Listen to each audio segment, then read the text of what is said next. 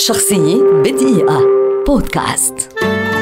عمر خيرت هو مؤلف وموزع موسيقي وعازف بيانو مصري من أشهر الموسيقيين العرب في الوقت الحاضر. ولد عام 1948 لأسرة فنية أهدت مصر والعالم من قبل الموسيقار أبو بكر خيرت. بدأت علاقته بالبيانو بالكونسرفاتوار في دفعته الأولى عام 1959 وانتقل بعدها لدراسة التأليف الموسيقي في لندن إلى أن اكتملت ملامح شخصيته الموسيقية المستقلة كمؤلف محترف يصوغ رؤاه الموسيقية الخاصة بجمل موسيقية مميزة تتسم بالعمق والثراء والتدفق. وكانت إطلالته الأولى على الجمهور مع الموسيقى التصويرية الرائعة لفيلم ليلة القبض على فاطمة عام 1983 كرت بعد ذلك سبحة الأفلام التي أنجز عمر خيرت موسيقاها التصويرية وأغانيها. ومنها قضية عم أحمد. خلي بالك من عقلك. عفوا أيها القانون.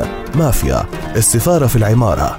عسل أسود. وغيرها العشرات. كما أنجز خيرت خلال مسيرته الموسيقى التصويرية لعدد هائل من المسلسلات. منها ضمير أبلة حكمه البخيل وأنا. الخواجة عبد القادر فرقة ناجي عطلة وغيرها بالإضافة إلى موسيقى عدد من المسرحيات والفوازير والكثير من المقطوعات المدهشة. تعاون عمر خيرت مع مطربين كثيرين في تلحين أغانيهم سواء كانت أغاني منفردة أو في إطار أعمال سينمائية مثل محمد منير علي الحجار أنغام هاني شاكر لطيفة وغيرهم.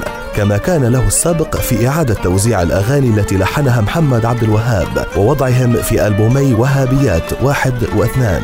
فأعطى للأغاني مذاق خاص حتى أن محمد عبد الوهاب شكر عمر خيرت على التوزيعات واعتبرها أجمل هدية قدمت له. حصد عمر خيرت عشرات الجوائز وشهادات التقدير المصرية والعربية عن أعماله ولا زال حتى اليوم يقيم حفلات ناجحة جدا ويقدم لنا موسيقى عظيمة ستخلد اسمه دون شك كواحد من عباقرة الموسيقى العربية عبر التاريخ.